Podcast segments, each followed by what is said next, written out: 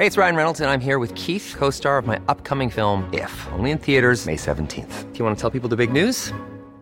All right, I'll do. Sign up now and you'll get unlimited for $15 a month in six months of Paramount Plus Essential Plan on us. Mintmobile.com slash switch. Upfront payment of $45 equivalent to $15 per month. Unlimited over 40 gigabytes per month. Face lower speeds. Videos at 480p. Active Mint customers by 531.24 get six months of Paramount Plus Essential Plan. Auto renews after six months. Offer ends May 31st, 2024. Separate Paramount Plus registration required. Terms and conditions apply if rated PG. Hey, it's Danny Pellegrino from Everything Iconic. Ready to upgrade your style game without blowing your budget? Check out Quince. They've got all the good stuff shirts and polos, activewear, and fine leather goods, all at 50 to 80% less than other high end brands. And the best part? They're all about safe, ethical, and responsible manufacturing. Get that luxury vibe without the luxury price tag. Hit up quince.com slash upgrade for free shipping and 365 day returns on your next order. That's quince.com slash upgrade. Är död. Och då tänker jag att de kommer snart döda mig. För snart stryper de mig för hårt eller kör in en kniv. Alltså, snart dör jag. Pinsamt, förnedrande, för jag tyckte fortfarande då att jag var äcklig. Att jag fick skylla mig själv. Jag trodde att samhället sa, men vad bra, nu tar ju samhället hand om mig för jag är ett offer. Det gör de ju inte. Det här är Brottsofferpodden. I dagens avsnitt får vi följa med Paulina som berättar hur det är att bara vilja ge upp. Men känslan av att ha ett barn i magen får henne att kämpa vidare. Vi får även höra hur det är att bli ifrågasatt i en rättegång och hur viktigt det är att bli ihopkopplad med likasinnande. Följ med och ta del av Paulinas gripande historia. Välkommen till Brottsofferpodden.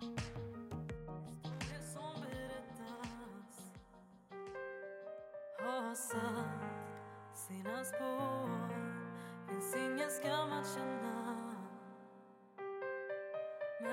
känns ändå Känn dig aldrig ensam Med minnen du bär på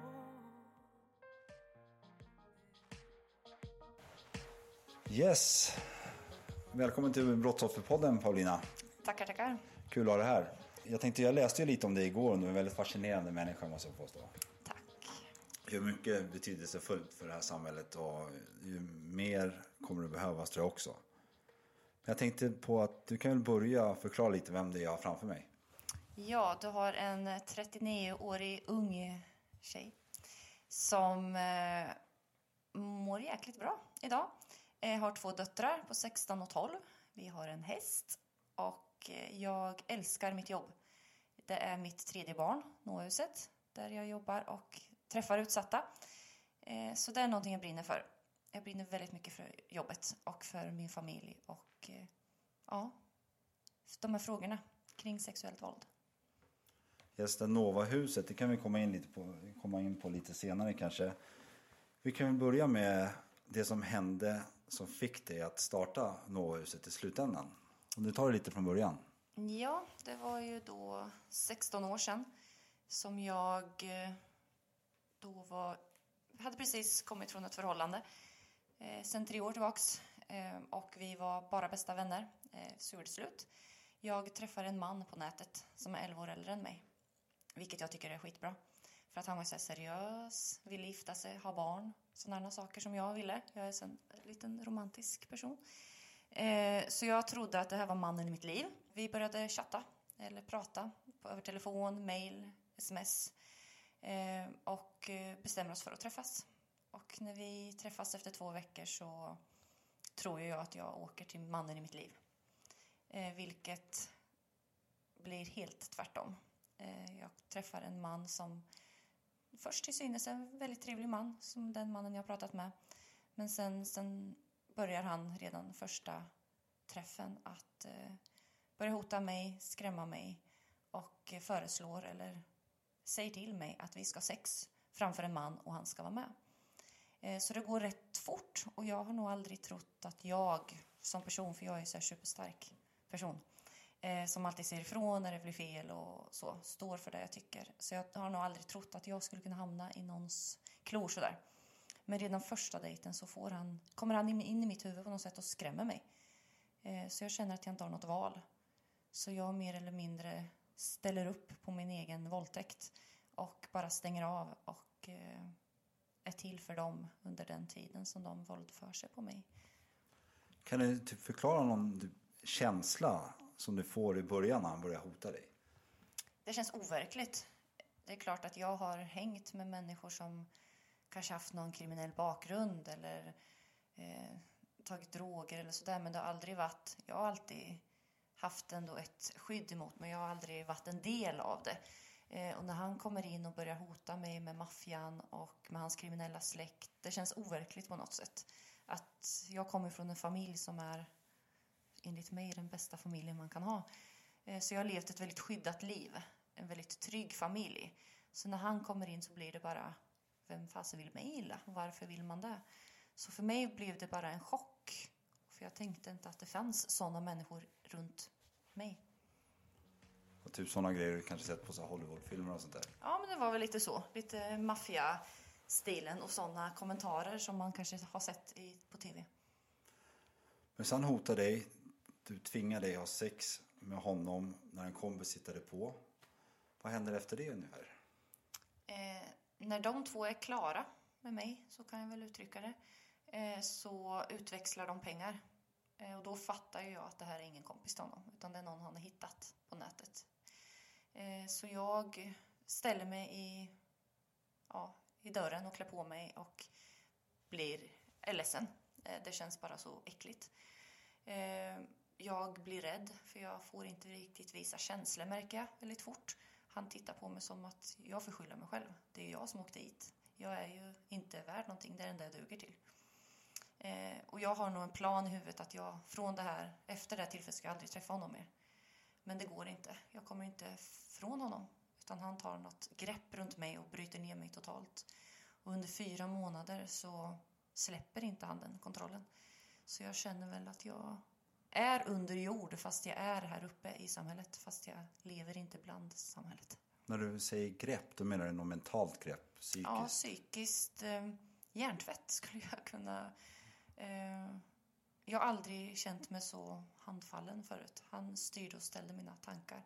Och jag kände väldigt fort, väldigt när skulden och skammen, att jag får skylla mig själv. Jag åkte ju hit till en främmande man.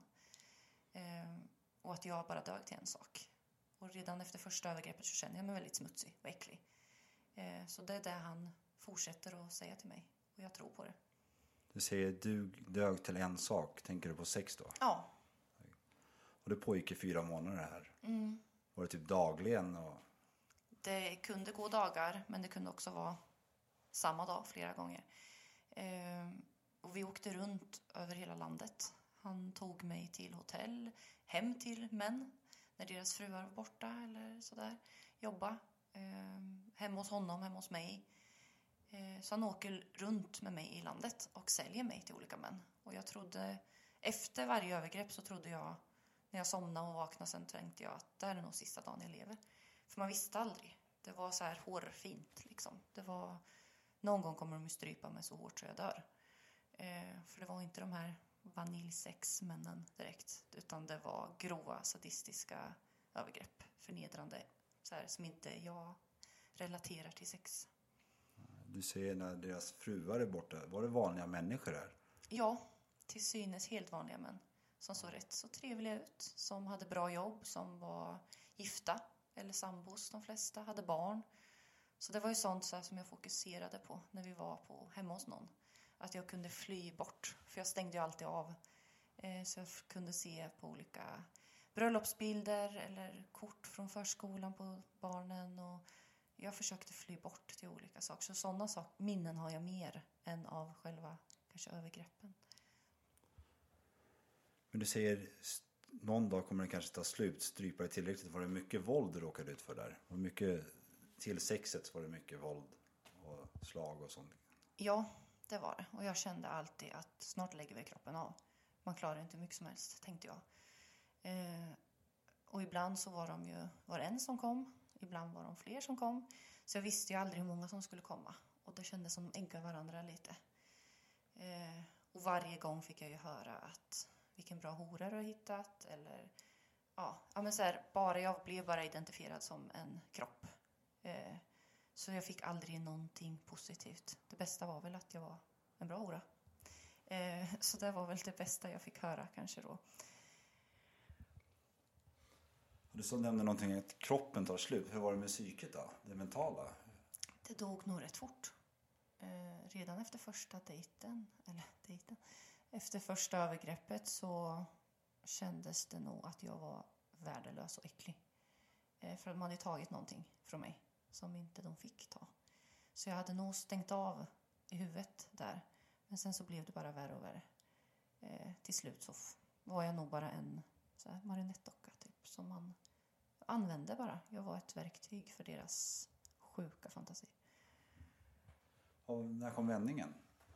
Eh, vändningen kom i november 2001. Eh, då har jag varit på ett hotellrum med sju män samtidigt. Eh, då är han en av dem. Eh, och de har då förgripit sig på mig, mer eller mindre samtidigt. Eh, och man har legat i sängen som ett så här kadaver typ man känner sig lite så här som asar, du vet, så här, som äter på en, som bara vill roffa åt en. Eh, och efteråt så är de rätt nöjda med sitt arbete ungefär och lite high-fivar varandra och tycker att det här var ju nice. Jag kommer inte ur sängen för jag har ont överallt. Jag har spott i hela huvudet. Jag har tårar, jag har mascara, jag har sperma, jag har blod. Jag är täckt av en sörja i huvudet. Eh, och vill bara till toaletten, för toaletten är ju faktiskt, det är ju där jag gråter. Det är där jag, för jag har lärt mig att stänga av. Så där gråter jag och där kan jag tvätta av mig. Och då tittar jag mig i spegeln och så ser jag en person som inte är jag.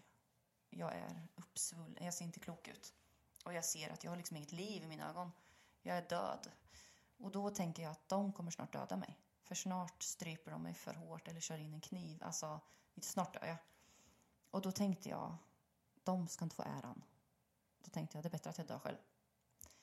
Eh, så då börjar liksom min kropp slappna av lite så här, typ att kroppen nästan säger så här, men det är lugnt, du får dö. Eh, så jag börjar planera min död, att jag ska ta livet av mig. Och då börjar jag bli lite gladare. Som många, många gånger blir, för man ser ett slut på skiten. Eh, men eh, det ville sig inte så, som tur är. Eh, jag fick veta att jag hade en liten bebis i magen. Eh, och eh, för mig var det något, min hjärna fungerar på något märkligt sätt just då. Och fick det här till att det här var bara mitt barn. Jag fattar ju att barnet hade kommit dit av en man. Eh, men på något sätt var det ett barn, det var hon och jag.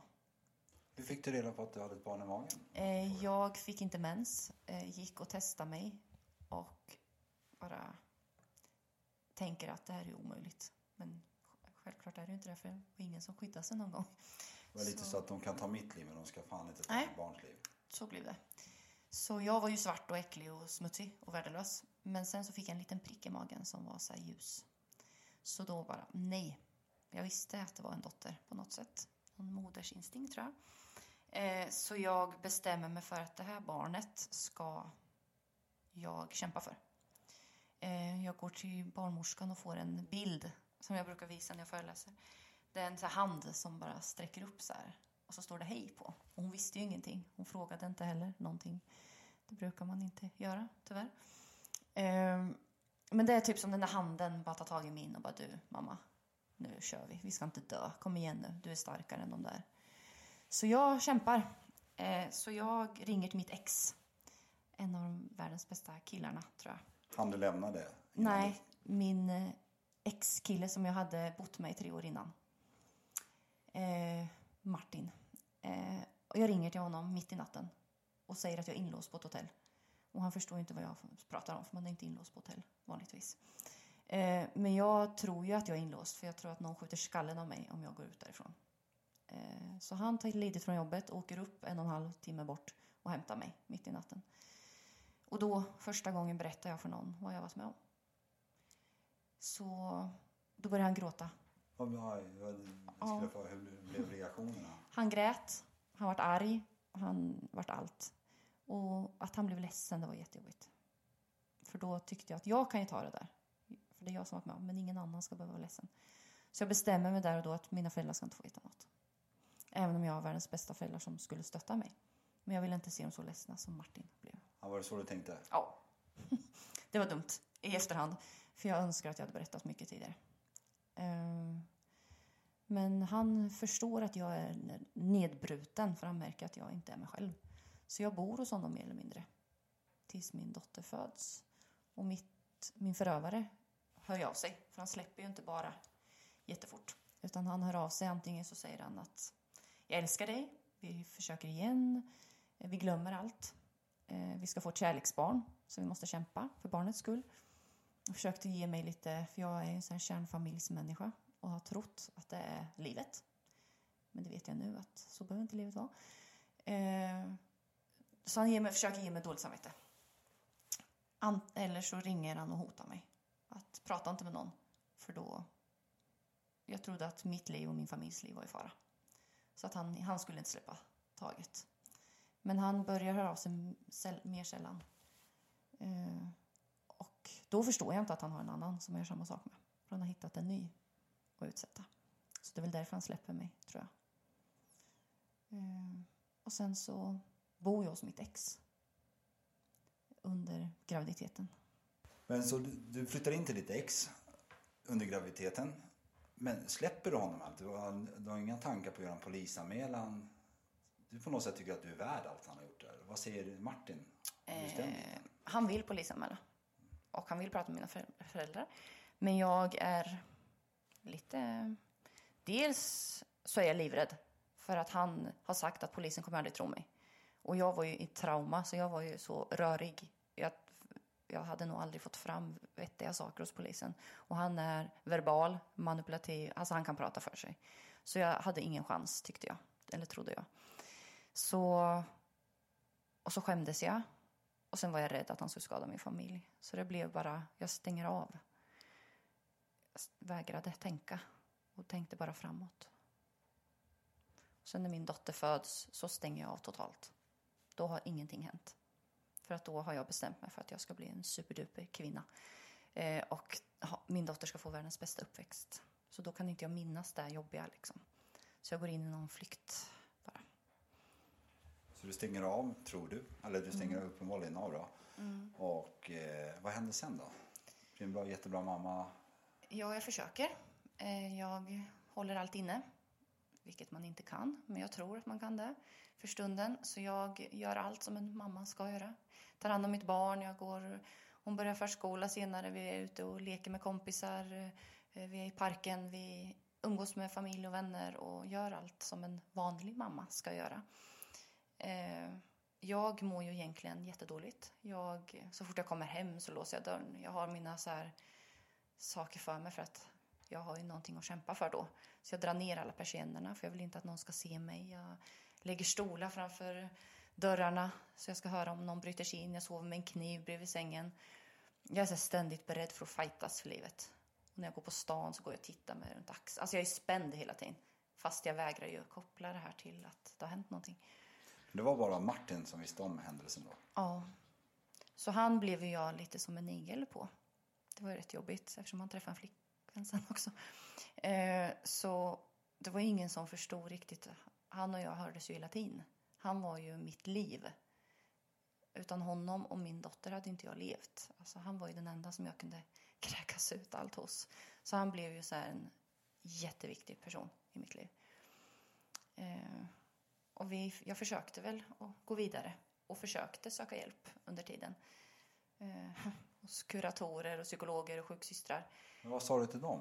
Om du inte berättar sanningen, vad Mm. Jag skickar ju ut sådana signaler som jag tyckte var tydliga. Som jag tycker att jag kan läsa av idag när jag möter utsatta. Men eh, jag tror inte de hade kunskaper där. Så antingen så tog, såg de inte mina signaler eller så vågade de inte fråga. Ibland så gick jag ut dit och sa att jag hade huvudvärk. Jag drömde mycket, jag kunde inte sova, jag hade ångest. De frågade liksom aldrig varför. Utan jag fick mer sömntabletter, jag fick eh, medicin för huvudvärk eller vad det kunde vara. Så här symptomlindring bara.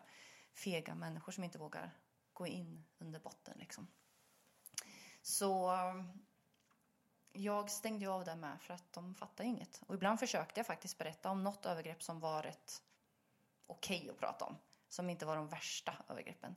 Men då hade jag en tant brev, var, så här, mitt emot mig som bara chockades och bara tyckte att det här var ju vidrigt. Hur liksom är det möjligt? Och då var det bara en så här liten del.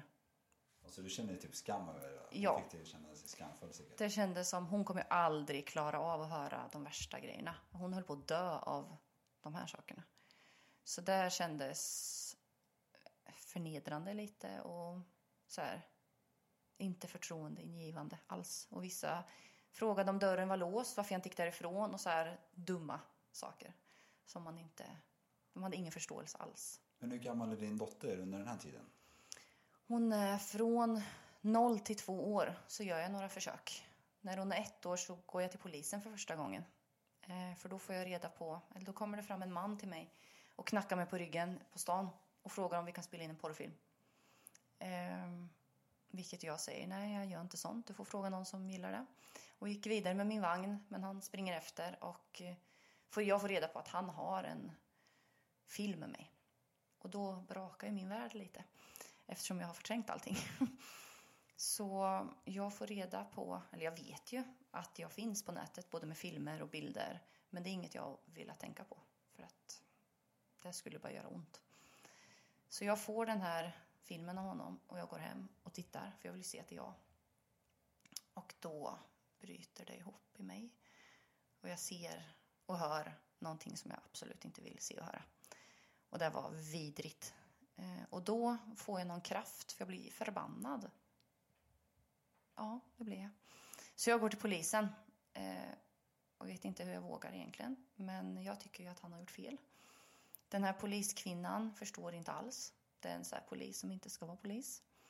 Som inte, hon såg inte mina signaler, hon läste inte mellan raderna. Hon bara var allmänt okunnig. Så hon fick mig att känna att jag får skylla mig själv. Jag har varit med på den här filmen. Så jag gick därifrån och tänkte han hade ju rätt. Polisen kommer inte tro mig. Så jag tror att han har rätt i allt. Med killar, vem fasen skulle vilja tycka om mig?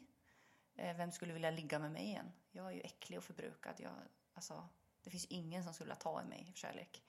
Så jag, alla hans ord blir ju hela tiden så här väldigt så här bekräft... Ja, jag tror att han har rätt. För under den här tiden så har jag sex med väldigt många människor eh, som jag inte egentligen vill ha sex med. Jag bara har det som ett självskadebeteende. För att sex är det enda jag kan, det enda jag duger till. Eh, vem skulle någonsin vilja tycka om mig liksom? Så på något sätt var det väl en längtan efter att någon kanske skulle se det. Men eh, det gick inte så bra. Och jag spelade nog väldigt bra. Eh, för jag ville på något sätt förnedra mig själv tror jag. Eh, men också att man duger till någonting i livet. Och det blev väl mitt sätt att fly. Och ligga med många människor. Samtidigt som det gjorde mig ännu mer äcklig. så att det gick så här... Det blev aldrig någon... Jag fick ingen hjälp under den tiden. Förrän jag träffar min före detta man. Som nu är en av mina bästa vänner. Jag har väldigt många bästa killvänner. Eh, Ted, som eh, jag träffar här i stan. Han är inte härifrån. Vi träffas ute på krogen och han... Ja, det känns bra väldigt fort. Eh, och jag tänker att min dotter ska ta 18 papper. Så jag är väldigt bestämd. Jag är ju rätt envis av mig. Eh, och tänker att han måste veta allt om mig. För jag var ju helt säker på att han skulle dra när han visste allt om mig. För vem fasen vill ha mig? Jag är äcklig, tyckte jag. Så jag berättar allt för honom och tänker att nu drar han. Eh, men han gjorde inte det. Han stannade och sa att det är han som har gjort fel. Jag tycker om dig som person. Eh, jag skiter i vad du har varit med om. Typ som jag hade sagt till någon med ett förflutet som jag hade önskat att han sa så. Och det gjorde han. Eh, vi blev väldigt tajta väldigt fort. Eh, och min dotter tog till sig han som sin pappa. Och det är hennes pappa idag. Eh, vi fick senare en dotter till. Hur gammal är hon då? När hon får honom som Två år. två år? Så hon kommer inte ihåg något annat. Eh, även om hon vet sanningen idag så är han pappa. Och kommer alltid vara. Och även om inte han och jag är gifta längre så är han den jag kan ringa till. Eller vi kan, skulle kunna åka på semestrar ihop. För han är en underbar pappa. Ja, kul.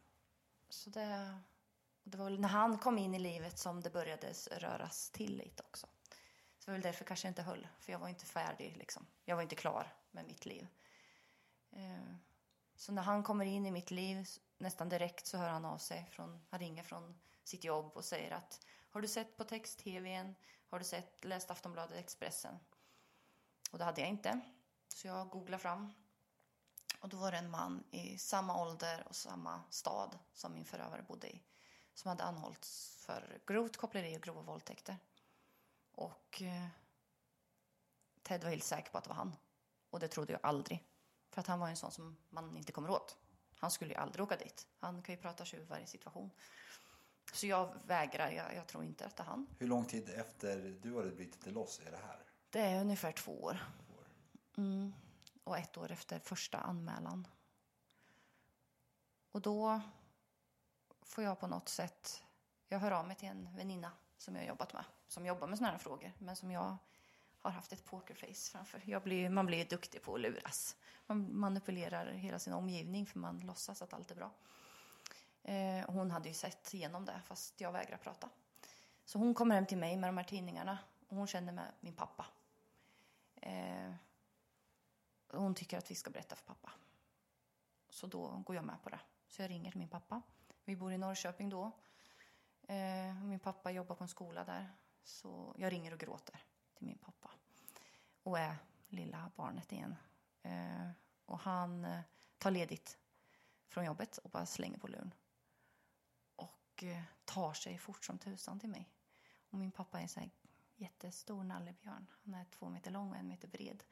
Han springer sällan numera. Eh, och han bara gör allt för mig. Så han kommer fram och så ser han mig stå i hallen och bara gråta. Och han börjar gråta. Så står vi bara och kramas. Och eh, jag vet ju att mina föräldrar finns ju där. Eh, det var bara jag som inte ville prata med dem innan. Men då visar jag upp de här tidningarna för honom och säger att eh, det här har hänt mig också. Och det var ett jättebra sätt att berätta. För att jag kunde inte liksom säga de här orden. Typ, igår så var det, eller för två år sedan så våldtog en 75-årig gubbe mig. Alltså det finns inte, det fanns inte då. Hur blev hans reaktion? Han sa det jag visste att han skulle säga. Han sa, men lilla gumman, vi älskar ju dig. Det är inte ditt fel. Varför berättar du inte tidigare? Och då sa jag att eh, jag vill inte se er så här ledsna. Eftersom han grät ju. Ehm, och det är jag ledsen för fortfarande. Men jag är glad att de vet idag. Och de bestämde att vi skulle åka ner till kvinnojouren och göra en anmälan. För jag blev arg och den ilskan var nödvändig för mig. För annars hade jag brutit ihop tror jag. Men jag blev arg för att han hade utsatt en annan tjej. Eh, och jag tänkte att jag skulle rädda världen. Eller alla Sveriges kvinnor i alla fall.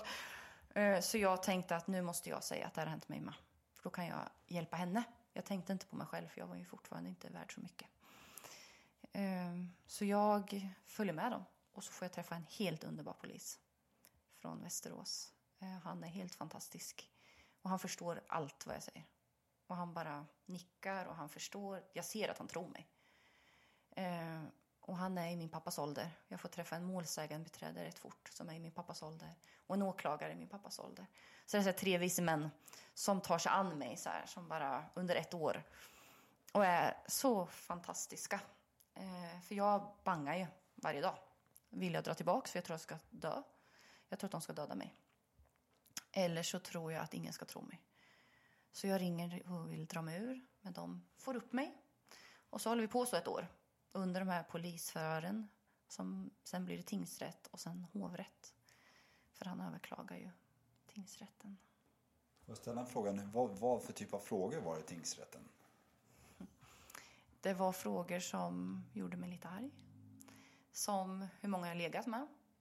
Mm, jag svarade nog rätt ärligt på den. Jag sa att jag vet inte.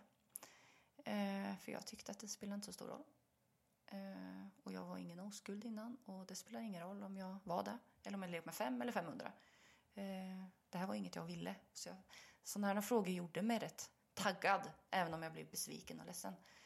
Men sen var det också frågor. Han ville utmåla mig som eh, lättfotad eh, med kortkorta kjolar och mycket smink. Eh, så de frågorna kom upp. Men det var inte någonting som jag kände att domaren och nämndemännen brydde sig så jättemycket om. Eh, Men han ville ändå liksom säga det. Sen hade jag faktiskt haft sex på en finlandskryssning med och det hade ju bara horor då. Eh, Så de la de fram det ungefär. Eh, Så Kändes det i rättegången att få de frågorna? pinsamt, förnedrande, för jag tyckte fortfarande då att jag var äcklig. Att jag fick skylla mig själv. Så då var jag ju lite sådär att jag, det kändes ju. Sen var det ju också en nämndeman i hovrätten sen. Tingsrätten var människorna rätt trevliga.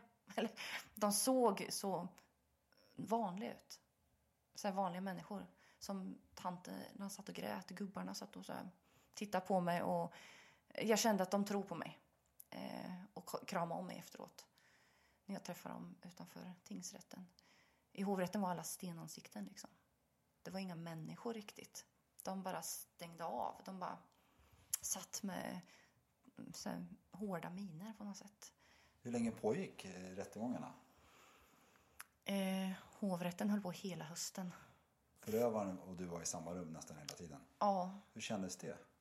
Eh, Jag är glad att jag inte hann tänka. Att jag gick in i någon här, att jag var arg. För att när de frågade, de sa ju det, du behöver inte sitta i samma sal som honom. Men jag ville det. För att jag var inne i någon sån här, något drev. Jag vet inte, någon så här adrenalinkick eller något, för jag var arg. Eh, och idag efterhand är jag glad över att jag gjorde det. För att eh, jag hade ju målat upp honom som en jätte. För när man är rädd för någon så blir den väldigt stor. Och för mig var han en vålnad på två, met, två och en halv meter och en meter bred, svart, så farlig människa. Men när han kommer in med handbojor och fängsel mellan benen, så här kedjor och två jättevakter bredvid sig så vart han en liten skit bara.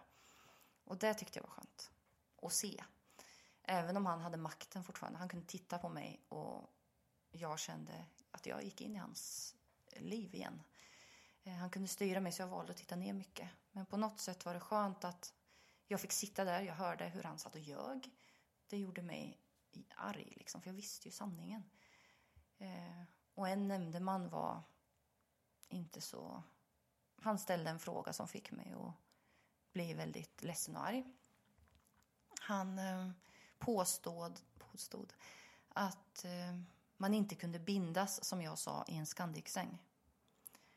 Jag hade lust att säga hur vet du det? Men det gjorde jag inte. Eh, Men eh, han eh, sa i alla fall, för jag visste vilket hotell, jag visste rum, jag visste hur det såg ut, jag kunde rita upp. Så jag blir arg, för jag vet att det här har hänt. Eh, så jag tar med mig eh, målsägandebiträdet, åklagaren, någon polis åker till det där rummet. Och det var ju asjobbigt att komma in där. Eh, men jag visste ju, jag ville bara bevisa att jag pratade i sanning. Så vi la en polis där i ett kors som jag eh, hade sagt och band henne och tog kort. Eh, och det kändes så förnedrande på något sätt att jag skulle behöva bevisa det. Liksom. Eh, sen blev han tyst. Men han, han, hade, han var väl den nämndemannen som satts emot mig under hela dom, liksom alla åtalspunkter. Eh, och där kändes ja, att man blir frågad, för man vet ju vad sanningen är. Liksom. Så det kändes jobbigt. Man har blivit utsatt för sådana grejer och sen frågasatt. Mm. Det måste vara jättetungt. Ja, det var jobbigt. Men du säger att eh, hovrätten pågick i hela hösten. Sen började ju vintern. Hur, Mm. Då var den slut. Det var en ny, ny tid i ditt liv kan jag tänka mig. Hur gick det vidare därifrån? För du måste ha fått något slut, eller fick det något slut där? Eh, jag fick, de slog ihop den där kvinnan som hade anmält honom först och mig. Slogs de ihop i hovrätten var därför det drog ut på det så himla länge. Eh, vi, hann ju, eller vi kunde bara få tag i en man som hade köpt mig. För jag hade ju inte, jag hade ju aldrig fått några pengar. Jag hade ju aldrig fått någon, jag visste inte vilka de var, jag hade inga namn. Men genom en film, eller genom min film som jag hade, kunde de identifiera honom. Eh, och det var ju vidrigt att de skulle se den i rätten. Då gick jag ut. Det var enda gången jag gick ut. För att de skulle se in i mig. De skulle liksom se allt äckligt de gjorde. Det var vidrigt. Eh, Under den här tiden började du få lite bättre känsla att jag är faktiskt inte värd det här. Ja, det fick jag nog. Det var nog Martin också som hade försökt innan. Mitt, eh, min för detta man, han in, hela tiden sa ju sådana här saker. Och när domen kom så blev det ju ändå en bekräftelse på att de trodde på mig också. Eh, även om polisen sa att det inte är säkert att det här blir något eftersom det var länge sedan. Det finns inga fysiska skador kvar, ord mot ord lite. Eh, så jag var nästan beredd på att det kanske inte skulle bli någon fällande dom. Men eh, eftersom jag hade polisen som trodde mig, jag hade målsägandebiträde som trodde, alltså det kändes ändå som jag hade fått upprättelse på något sätt. Sen när domen kom så var det extra skönt. Han fick ju maxstraffet 14 år. Och det är ju inte jättevanligt i Sverige. Eh, för grovt koppleri och grova våldtäkter. Så domen gjorde ju sitt. Men sen så trodde jag att det skulle lösa sig. Jag trodde att samhället, så här, men vad bra, nu tar ju samhället hand om mig för jag är ju ett offer. det gör de ju inte, alltid. Eh, så då började nästa kamp. Som nästan har varit, jag kan inte säga värre, men ja, jag var mer besviken. på Besviken på samhället. Ja. Att eh, man inte förstår riktigt. Eh, efter några år försökte jag vara sjukskriven. Eh, jag hade då två döttrar. Jag hade min man. Vi bodde i Stockholm. Jag var helt slut. För jag hade ju bara fikat i några år. Eh, och då behövde jag vara sjukskriven.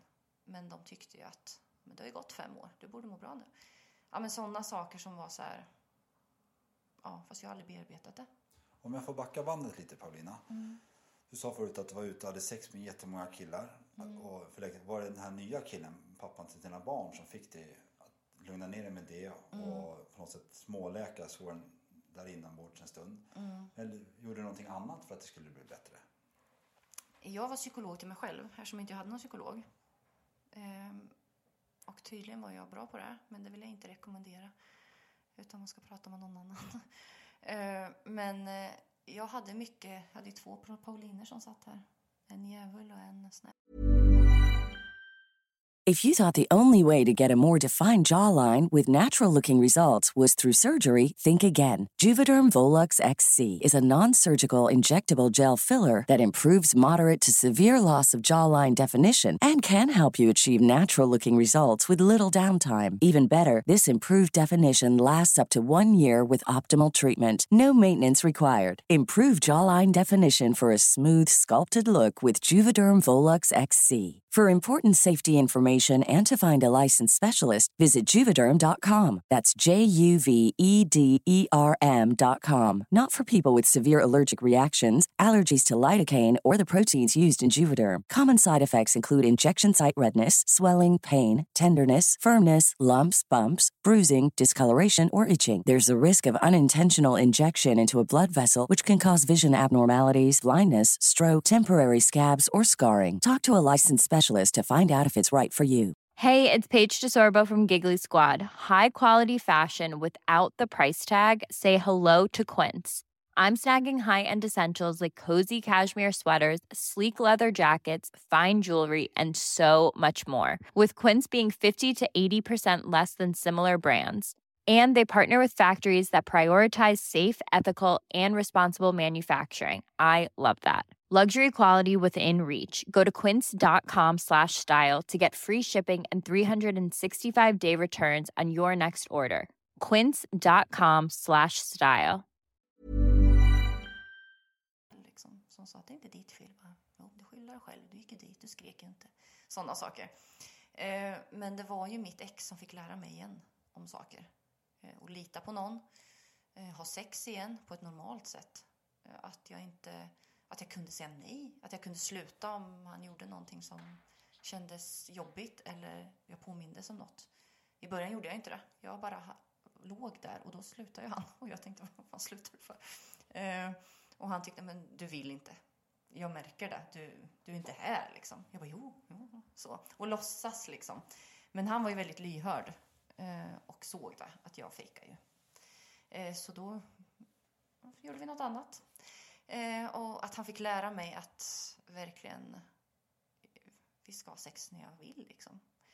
Eh, det kändes jobbigt. För samhället eller normer och allt säger ju att har man blivit våldtagen ska man aldrig mer ligga med någon. Lite så krasst. Eh, så jag skämdes ju när jag gjorde det. Det kändes ju typ som hela världen stod och tittade på mig när vi hade sex. Och tyckte att "Ja, men du har ju blivit våldtagen, då var det nog inte så farligt eftersom du kan ju ligga igen. Så jag la mycket skuld på mig. Jag låg med kudde över huvudet liksom. Och det är inte jättekul att ha sex med någon så kanske. Om du tänker på sexbiten strax efter att du brutit dig loss när du var och träffade många killar. Om vi tänker på just sexbiten. Hur du ser på sex då och hur du ser på sex idag. Vad är den stora skillnaden? Eh, då var jag bara där för deras skull, tror jag. Eh, jag eh, vågade nog inte. Jag tyckte inte att jag hade rätt att tycka att det var skönt. För att det säger normerna. Att har man blivit våldtagen ska man ju inte tycka det. Så när det började bli skönt för mig, då, slut, då ville inte jag fortsätta. Då stängde jag av. Eh, så det var, tog jättelång tid för mig att tycka att det var skönt på riktigt. Eh, för att jag fattat, varför ska inte jag göra det? Det är ju han som ska få lida, inte jag. Jag ska ju kunna få ligga hur mycket jag vill. Eh, så det tog ett tag att våga. Eh, jag har nog aldrig skämts för min kropp så. Jag är som jag är. Ta mig eller inte. Eh, så har jag nog alltid tänkt tror jag. Eh, men eh, det var ju så här, just känslorna att jag vill ju vara där på riktigt. Jag vill ju inte bara vara där kroppsligt liksom. Så där fick han träna upp mig igen. Det vart ju som börja om från ny kula. Och då måste man ha någon som är lyhörd, som man vågar prata med. Det där känns okej. När du gör så där så påminner jag om det där. Alltså så så där var ju han tvungen att veta allt. Och det var viktigt. Men om vi går tillbaka till innan jag avbröt dig. Där efter rättegången, du blev typ sned på samhället. Kan jag säga så? Ja, Hur, vad- hur går du vidare där då? Ja, jag tar ju hand om mig själv då. Eh, det är ju mitt problem redan nu idag också tror jag. Ja, ensam är inte alltid stark. Eh, men jag tror ju det. lite. Men då har jag kontroll på läget lite också. Ehm, jag, eh, efter rättegången den var ju en bearbetning. Det var bland den bästa. Utan den, för då fick jag gå in på de här vidriga detaljerna. Det hade inte jag gjort det som psykolog. För där hade jag ljugit och sagt de här övergreppen som var okej att prata om. Men i rätten var jag tvungen att gå in på vidrigaste, hemskaste sakerna. Och det var jättebra. Två gånger om och bara nöta. Och sen efter det, så flera år senare, så fick jag hjälp. Jag träffade en bra psykoterapeut och en bra läkare som eh, jag kunde prata med om sådana här saker. Eh, och min läkare han förstod att ja, men det är klart det är lättare för dig att gå ut och ligga med någon för en kväll. Eh, men sen när det väl kommer till en relation så är det ju svårt. Då är det så mycket så här tillit och allt som ska till. Så att han fattade ju det där och inte tyckte att jag var äcklig för att jag gjorde så. Så att jag sökte hjälp och till slut fick jag det. Det ska inte ta så många år som det gjorde för mig. Eh, men till slut så fick jag det och jag hade blivit starkare. Och när jag bodde i Stockholm gick jag i grupp på team för våldtagna och det var jätteskönt att träffa andra som kände typ som mig. Som eh, jag inte var ensam liksom. Att vi stöttade upp varandra. Att vi pratade om sex igen. Vi pratade om vad som hade hänt, känslor, självkänsla, självskadebeteenden. Ja, men allt så här som rörde. Och det var jätteskönt. Då kände jag att jag kommit rätt långt. För nu börjar jag tycka att det inte är mitt fel. Så det var jätteskönt att ha grupper. Jag har samma person, eller liknande personer med liknande historier. Liksom. Och där vi inte jämförde. Liksom. Det går ju inte att jämföra sånt här. Det är ju helt o- beroende på vem man är, vad man har varit med om tidigare, vad man har runt sig och allt. Så det var en jätteskön känsla. Men det var du som sökte hjälp. Ja, det var det. Och hur, hur, hur lång tid har det gått innan du insåg att du, det är ju typ flera år innan du inser att jag behöver få hjälp av det här. Jag klarar inte det här själv. Det var nog efter rättegången så kände jag mig så att jag hade vågat sätta ord på de här äckliga känslorna. Så då var jag redo och faktiskt kasta mig ut. Och där kunde man ju prata om. Hos en vanlig psykolog så pratar de om andra saker. Det känns inte som, där pratar vi inte sex, vi pratar inte övergrepp. Eh, där var det ju ett, en samtalsgrupp bara för de som blivit våldtagna. Då var det så här, kan man inte komma dit, jag har ont i magen. Liksom. Utan då var det så här, hej, här är jag, jag har också blivit våldtagen. Så då var jag tvungen att liksom prata om det och då var jag redo för det. Och det kändes skönt. Väldigt skönt. Hur gick det vidare efter Stockholm då? Eh, ja, jag bodde där, hade det bra. Eh, jag är familjekär, så jag saknar min familj. Ehm, så jag flyttade. Eh, även om jag har kvar mycket. Det känns lite som att komma hem när jag kommer dit. Jag har tre hem, tror jag. Tre städer som, är, som känns här. Det var behövligt att flytta dit, för det var så mycket minnen här på något sätt. Så det var skönt att komma till Stockholm när man är rätt anonym. Ehm, men sen är jag en sån här landet-människa. Jag vill flytta ut på landet i ett hus och ta det lugnt bara. Eh, Komma hem efter en dags jobb och bara slappna av. Så jag saknade min familj och få närheten till mina barn skulle få träffa dem hur mycket de ville. Mina föräldrar ville hämta dem på förskola och dagis och skola. Så att jag kom hem. Eh, Jag eh, var nog inte så stark fortfarande. Jag hade vissa vänner som eh, jag var väldigt ledsen på. Eh, Det visade... Jag var väldigt besviken på väldigt många människor som inte förstod, som tyckte att jag kanske hade fått skylla mig själv. Som eh, tyckte att men du har ju legat med några innan så du kanske ville det här med. Eh, så här, kommentarer som man träffat på fester, på middagar runt om i samhället som fortfarande idag, det är det enda som kan göra mig lite ledsen. För just historien i sig jag berör mig inte längre på det sättet. Den är bearbetad. Men just när människor är så okunniga och dömande eh, så blir jag, kan jag ta åt mig. Eh, för att ja, man har en... Och sen när det var nära vänner också som svek. Och då stod jag inte upp för mig själv och säger hej då till dem. Utan jag hade dem kvar i mitt liv. Så jag fick ju liksom höra det här om och om igen. Att man får skylla sig själv om man går hem med någon. Eller ja, sådana saker. Så det tog kraft. Eh, och någonting jag möter väldigt mycket idag också. Eh, runt om, både när vi är i skolor och föreläser men också ute i samhället. När jag, även om de vet vad jag har varit med om. Liksom. Man är dömande. Varför tror du folk är så dömande? De är så jäkla rädda. Svenska människor. Ja, men man vill skjuta det ifrån sig. Det kan inte hända mig, en vanlig människa. Och då är det lättare att se. Det är de där eh, personerna som bara har dysfunktionella familjer. De som har eh, olika problem, psykisk ohälsa, missbruk. Ja, men så här, man vill liksom, för då kan man hålla sig borta. För det skulle inte hända mig i min familj. Det kan hända alla. Alla former av missbruk, alla former av övergrepp. Det kan ju hända alla liksom. Det är så jäkla lätt. Att... Det låter som att du har mer förståelse för de här människorna än vad de har förståelse för dig och vad du varit med om. Är lite- Ja, så är det nog. Och jag vet att jag skulle nog vara den första de ringer till om det hade hänt någon i deras närhet. Och jag är ju rätt snäll så jag hade säkert ställt upp. Men jag hade nog aldrig... Jag har blivit starkare och säga jag litar på få människor.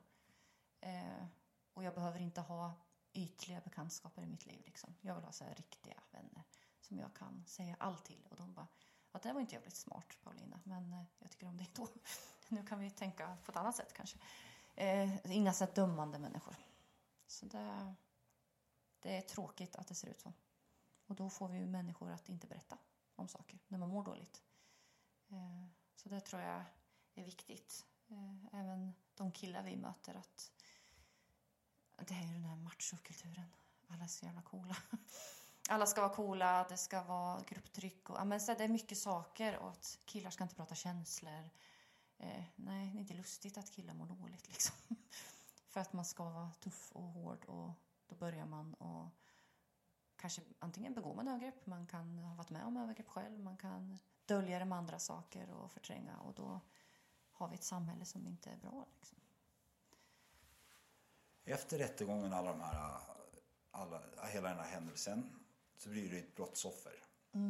Och brottsoffer är ett väldigt starkt ord. Hur ser du på det? Jag känner mig inte som ett idag. Eh, Jag, tycker ju, jag är ju det, på papper kanske. Eh, Och i samhället så är jag ju ett brottsoffer. Eh, Vissa kallar sig överlevare. Det vill jag inte heller. Jag vill vara Paulina. Liksom. Jag är jag.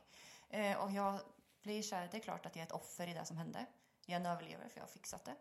Eh, Men nu vill jag bara vara den jag var innan och den jag är. Liksom. Så på något sätt är jag Paulina bara. Jag vill inte identifiera mig med någonting. Utan jag vill att folk lär känna mig. För jag är en jäkligt härlig tjej. Du är du är helt, du är helt fantastisk. Och väldigt osvensk som säger så också. Ehm, men Med eh, tiden kanske kommer bli väldigt svenskt att säga så. Ja, hoppas vi får hoppas på det. Och min förhoppning är att med tiden att det här just med att folk ska, att ordet brottsoffer ska inte klinga fel. Nej. Det ska inte det liksom. Självklart om någon har råkat ut från och känner sig som ett offer så ska det Mm. vara att det är okej. liksom. Fan, jag är ett offer i det här och det är fan Mm. okej av den här killen eller tjejen att göra det mot mig eller den, den hen att göra det Mm. här mot mig. Ja, men det är därför det så viktigt att belysa det och ta upp det till ytan också. Mm, ja. Det är inget fult liksom. Det är inte vi som har gjort fel. Verkligen inte. Eh, så att ansvaret ska väl ligga på den som har gjort det här. Eh, och jag tänker att saken är väl att man inte hamnar i den här offerkoftan. Liksom. Och det var väl rätt viktigt för mig. Att inte så här, jag är ett offer, jag kommer aldrig må, må bra, det är synd om mig. Lite så. Och det är väl det man försöker få ut. Alla har någon kraft inom sig, det gäller bara att hitta det liksom. Eh, för att sitter man där då... Det är ju här inne som vi måste stänga... Ja, här inne, alla ser ju inte mig. In i huvudet som man bestämmer sig för att nu får det fan vara nog. Jag, ska ha, jag är värd ett bättre liv. Och där kan ju bara våra tankebanor styra oss. Liksom. Där är vi ju bra på att titta sig i spegeln och vad fan ful jag är idag, vad fet jag har blivit. Jag inte... Ja men så. Eh, börjar vi bara mata om. För jag börjar ju och säga fan vad fin du är, vad bra du är. Det var inte ditt fel, jag trodde ju inte på det i början. Det var ju bara ord. Men sen ju mer man säger desto mer tror man ju på det. Till slut kan man ju lura om hjärnan igen liksom. Och där tänker jag att folk måste... Man måste ju ta ett eget ansvar. Man kan ju inte säga bara, hej, jag är ett offer. Ta hand om mig, fixa mitt liv. För ibland blir det ju lite så att här är mitt liv, fixa det. Men det är ju vi som måste liksom, fan. Nu måste vi, det är inte så lätt som jag säger. Men man måste ju säga, nu jäklar får det vara nog. Och då gäller det väl att hitta saker som man mår bra av. Om vi leker med tanken att din förövare Mm. var jag, att jag sitter mitt över dig. Vad skulle du vilja säga till mig då? Eh, jag skulle faktiskt vilja det. Eh, ja, jag kanske in, eh, inte är den här typiska människan. Eh, jag eh, kan inte säga så här, jag skulle inte säga jag hatar dig. Eh, för det gör jag inte. För jag tycker inte... Att hata någon tar så jäkla mycket kraft. Och den kraften känner inte jag att jag vill lägga på dig. Om du är du. Eh, och jag, jag har ju förlåtit allihopa. Jag... Eh, på grund av att för mig betyder förlåtelse inte att det är okej. Eh, det är deras fel. De har gjort fel. De ansvarar för det. Men för mig är det för att gå vidare själv. Att jag accepterat att det har hänt. Sen skulle jag nog... Jag skulle önska... Jag vet inte, han skulle gärna få säga att han bad om ursäkt. Men eh, även om jag kanske inte skulle tro honom så skulle det ändå vara skönt att höra det. Även om jag inte vet som sagt om det skulle vara av ja, vikt så. Skulle du ta emot ursäkten? Ja, det skulle jag. Ehm, jag tror att alla föds goda. Det är min eh, stora...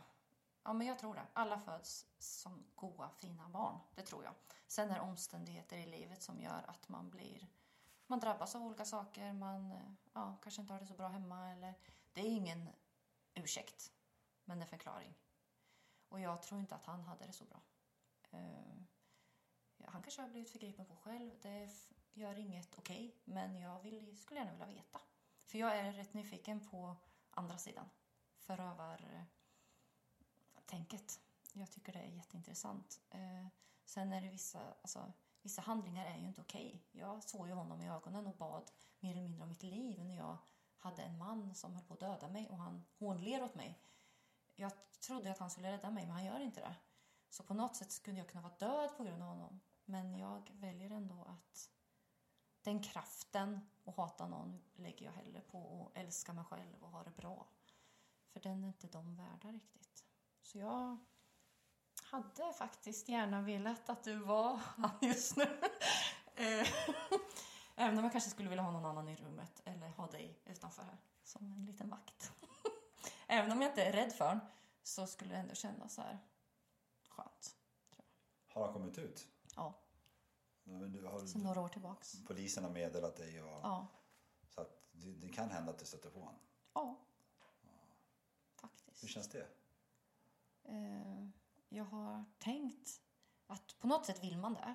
För man vill se hur man skulle reagera. Men på något sätt så vill jag ju aldrig mer se honom heller. Alltså, men eh, det känns inte som jag begränsas av att han finns.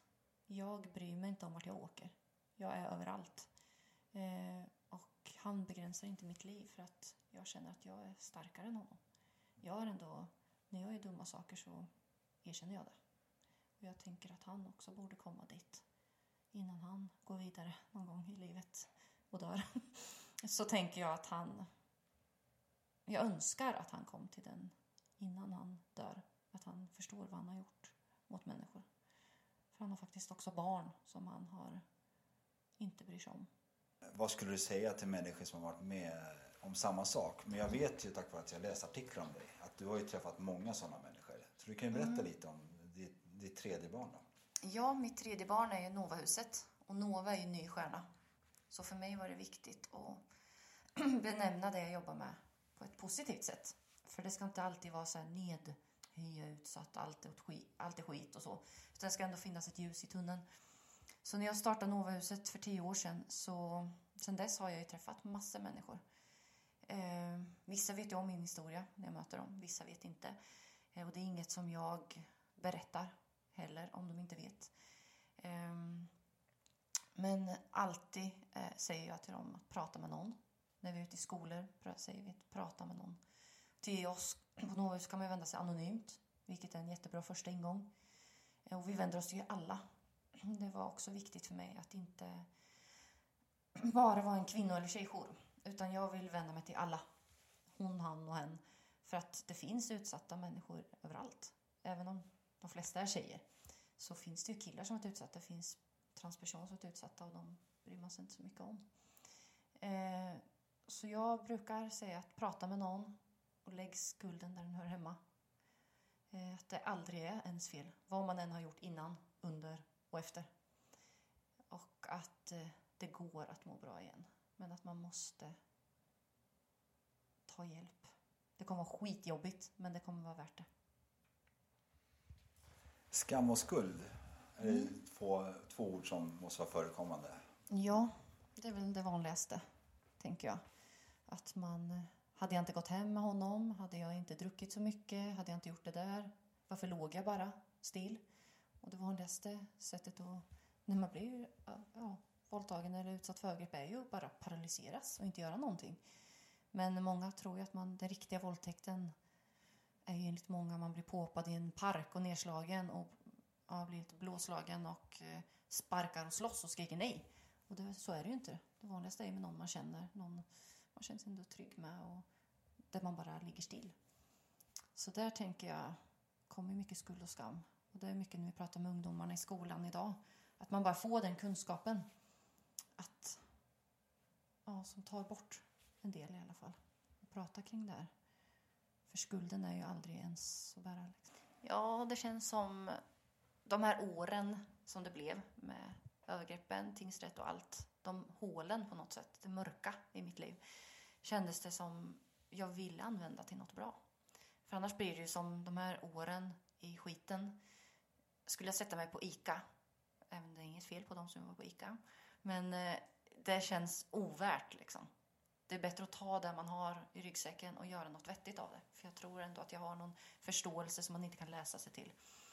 Eh, och jag tänker också att visa på hoppet är så otroligt viktigt. Det är därför jag föreläser runt om i hela Sverige och utbilda, ge verktyg till människor som möter utsatta. Våga fråga, var väldigt, ja, men, gå ner under djupet liksom. Gå, fråga inte det finns ju alltid någonting varför människor börjar självskada, börjar missbruka. Alltså, det finns ju någonting, något tomhål eller hål eller någonting som har hänt. Eller, alltså man vågar gröta lite och inte vara så himla, här har du medicin. För att, utan det är så otroligt viktigt. Så det känns som det värsta i mitt liv har också varit det bästa.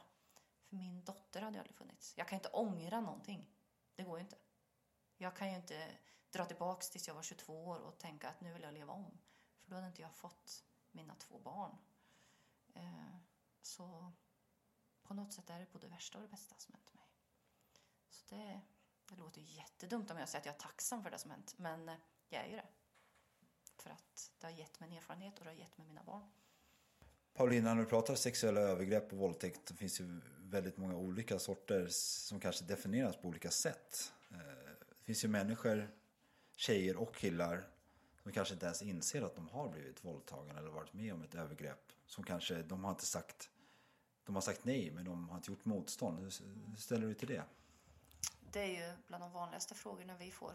Eh, eller när vi är ute i skolor och berättar vad faktiskt en våldtäkt är. Att det inte bara är snopp i vagina. Jag är så himla finordig nu. Mina barn skulle skratta till mig för jag pratar inte så här fint annars. Eh, men att vi säger att det är oralsex, analsex, fingrar, föremål. När man förstår att det är, då kan man ju säga oj, jag har visst varit utsatt för en våldtäkt. Och att det inte behövs vara med tvång och våld. Utan ibland kan det bara vara att någon har tjatat länge och sen ger man sig. Eh, och att man bara har legat där. Så jag tänker att ett övergrepp är ju när någon går över det man känner, det här är inte okej. Sen säger lagen olika, det finns ju olika brott. Men det här kan ju ske även på nätet. Det finns ju liksom virtuell våldtäkt som har kommit i första i världen, liksom hur Sverige fick. Man tvingat en person att onanera för webbkameran. Och det är också någonting vi möter jätteofta. Att man tvingas skicka bilder, tvingas onanera framför kameran annars kommer man döda någons kanin eller man, någons mamma. Eh, så att många gånger så vet man inte vad, vad som inte är okej. Och bara för det sker på nätet så tror man att det är lite mer okej. Så jag tror att det är viktigt att faktiskt ha med sig att när det inte känns okej, när det är någon som gör någonting, tar på en på ett sätt som inte känns okej, så är det det. Inte okej. Och vi mötte ju, när vi var på festivalerna i somras så var det ju många tjejer som kom fram till oss och sa att de har blivit tafsade på. Och vi sa, ja, men eh, då tänker en tafsning tänker jag att man slår någon i rumpan eller kanske tar något på brösten eller så. Eh, men de förklarade ju att det var några kille, eller någon kille som hade stått bakom dem i publikhavet och fört upp fingrar i deras underliv. Och det är enligt lagen våldtäkt. Eh, men de såg det som en tafsning. Och då är det klart att man inte anmäler för att man tycker att det är så normaliserat liksom. Man kallar varandra hora och bög i korridorerna, man tar på varandra. Det får man ta, för killar är såna.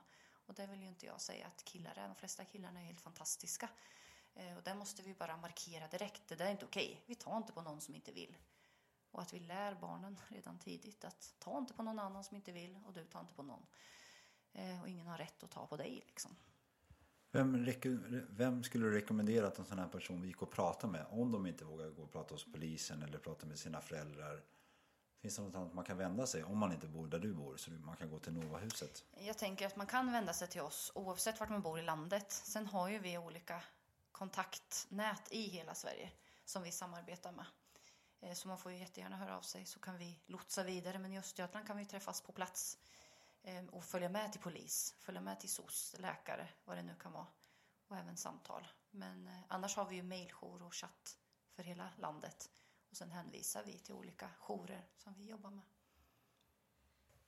Tack så jättemycket Paulina för att du var med här idag och du har betytt jättemycket för Brottsofferpodden och garanterat jättemånga där ute. Tack så jättemycket för att jag fick vara med. Det var allt från dagens avsnitt av Brottsofferpodden. Vi vill tacka Paulina för att hon tog sig tid och berättade sin historia för oss. Har ni frågor till oss på Brottsofferpodden kan ni skriva mejl till oss på redaktionen at brottsofferpodden.com. Följ oss på Facebook och Instagram under namnet Brottsofferpodden. Mitt namn är Joakim Lundén. Vi hörs snart igen.